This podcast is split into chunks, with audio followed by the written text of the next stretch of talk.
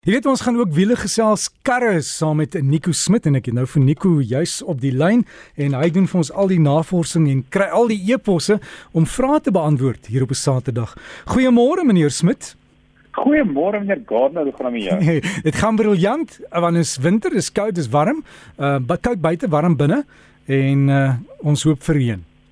Ja, ja, okay, vir ja, ek seker die mense in die Kaap het al uh, baie lekker reën gehad en dit is natuurlik lekker om 'n koffietjie in die oggend te drink en lekker uh, warm by die huis te wees. En jy's warm daar in die bed nog steeds, né? Nee, ek sien hier in die bedjie direk, uh, ek is op pad uit, uh, maar ek is definitief warm aangetrek en reg. nee, dis reg. Ek waarsku wanneer dit is nogal koud buite in Gauteng vandag.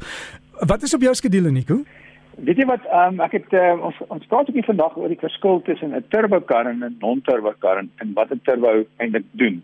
So in in Engels praat hulle van naturally aspirated en dit ver, dit verwys na 'n kar wat nie turbo het nie en dan kan ons natuurlik 'n turbo kar. 'n Turbo kar is is nog baie populêr is um uh iets wat tegnologie wat wat wat baie gebruik word deur baie vervaardigers. So hoe 'n kar werk is hy het 'n 'n verhouding tussen die hoeveelheid brandstof en die hoeveelheid lug en daai verhouding is 14.7 deeltjies brandstof vir een deeltjie lug. So dis die in Engels praat hulle van 'n van die stoichiometric ratio, met ander woorde die die die verhouding tussen brandstof en lug. So wat gebeur as jy daai verhouding daai altyd daai presiese verhouding en dan gee jy hom 'n vlammetjie en daai vlammetjie ontbrand en daai ons gebruik daai energie in die brandstof. So die engine moet dan self asemhaal. So wanneer jy ry met die engine self die die, die as jy as jy tussen af beweeg, dit hy alself asem deur die lug in te suig. As ek dit so kan stel. So as jy in die kus is, natuurlik kan al die engine baie goed asem. En wanneer jy na Gauteng toe kom, so so draai jy hoër gaan vir elke 100 meter wat jy hoër gaan, dan verloor jy 1% van die ehm um, verrigting van die kar omdat die engine baie meer sit en die lug is baie dun, soos die soos die Nieu-Zeelanders wat hier kom rugby speel in Pretoria. Dan sukkel hulle baie meer want hulle sukkel om asem te haal en selfs met jou kar. So soos jy hoër gaan in Pretoria wange waar jy rondry so 1400 1500 meter bo seevlak Johannesburg so 1600 meter. So in Pretoria het jy kom ons sê 1400 meter, jy 14% van die verrigting verloor as gevolg van die feit dat jy so hoog bo seevlak is. Nou turbo is maar soos 'n haardroër. So as jy dink as jy 'n haardroër vat en jy kan 'n haardroër in die vasmaak in die engine en die haardroër forceer lug in die engine, dis wat 'n turbo doen. So turbo ehm um, forceer meer lug in. So as jy meer lug het, kan jy meer brandstof hê. So as jy dieselfde volume het, meer lug, meer brandstof beteken daai daai uh, ontbranding is baie uh, energie is baie sterker. So vir dieselfde engine, as jy 'n turbo um jy maak van die engine, het die engine meer krag as gevolg van dat die engine beter asemhaal.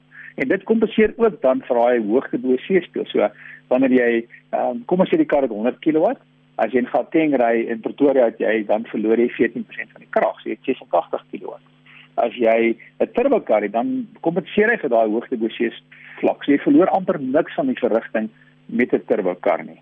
So wat vervaardigers moet doen is ehm um, hulle maak kleiner enjinkies. Want as jy kom as jy kyk presies dieselfde engine 'n 2 liter met 'n turbo of sonder 'n turbo. Ehm um, daar's nou baie faktore um, wat wat bydra tot die verrigting, maar die die turbo um, maak ook die brandstofverbruik meer omdat hy dan natuurlik beter kan asemhaal. Daar's ander goeders soos lae revolusies, daar's baie ander goeders wat 'n verskil maak, maar wat die vervaardigers eintlik dan doen is hulle sê, weet jy wat, kom ons vat 'n 1.4 met 'n turbo. So die turbo, die engine is nou kleiner, maar die verrigting is dieselfde as 'n 2 liter sonder 'n turbo. So, ehm um, dis hoekom jy baie meer al hierdie klein enjintjies in karre kry en baie jy weet dis nie snaaks vandag om 'n 1 liter engine te kry. Ek dink hoorie maar dit is belaglik.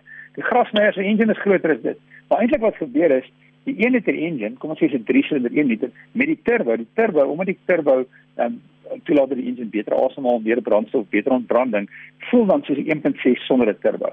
So dis wat gebeur en baie mense voel partymal 'n bietjie afgeskrik deur die feit dat hulle 1 liter engine koop en die vervaardigers het dit goed al so goed getoets uh, turbo tegnologie is glad nie meer nie. Dit is glad nie iets waarvoor jy bekommerd te wees nie. En jy het die voordeel dan dat omdat die engine kleiner is, ehm um, wanneer jy dan rustig ry, is die brandstofverbruik baie goed, maar wanneer jy bietjie meer verrigting nodig het, gee die help die turbo jou om beter asem te haal. So ja, dis die verskil tussen die twee Derek. So moenie skrik om 'n turbo kar te koop nie. Baie mense voel nog steeds hulle hulle hulle hulle wil nie tegnologie koop nie en daar's dit non-turbo karre wat nog steeds baie goed is, maar jy kan verseker die verskil voel as jy in Gauteng ry teen 'n uh, 'n turbo kar, eintlik selfs by die kus, 'n turbo kar teenoor 'n non-turbo kar. So Nico, ek kan al daai uh haardroër uh, effek hoor.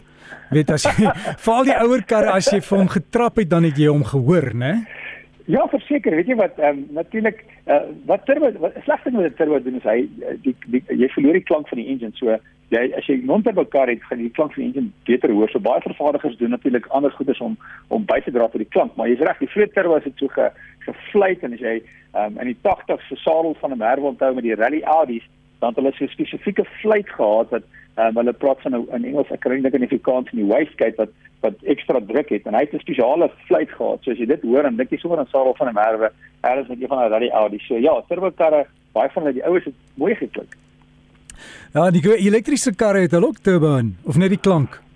Nee, dit niks. 'n uh, Elektriese kar is is soos 'n boor wat jy by die huis gebruik. So as jy dink aan 'n boor wat jy gat oor 'n elektriese boor, dis 'n elektriese kar. So daai battery en 'n boor, elektriese kar is maar dieselfde. So hy haal nie asem nie. Hy het nie nodig om brandstof te ontbrand nie. So, so jy kan net 'n motortjie wat vinniger draai. So jy kan hom stel vir vir goeie paaie en dan slegte paaie soos wanneer jy in sement moet boor, né? ja. Wat is eintlik weet jy wat 'n elektriese kar as jy vinniger ry, algebeur as jy elektriese motors punt vinniger. Daar's hier en daar karre wat 'n radkas het op 'n elektriese motor maar aan jy spin net motors uh, net vinniger. So as jy 'n groter motor het dan jy sterker elektriese kar. Baie elektriese karre twee motors drie motors al selfs karre wat vier elektriese motors het. So ja dit skrikwekkend vinnig. En stil maar natuurlik die vervaardiger sit um, klank by omdat voetgangers in die kar hoor nie.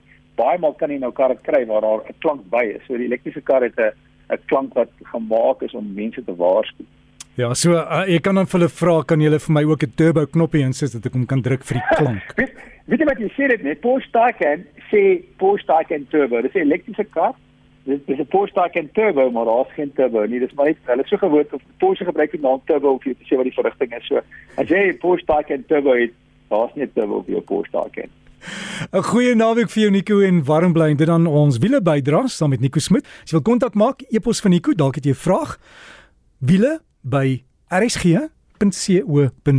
Het jy hom? E-posadres is wiele by rsg.co.za.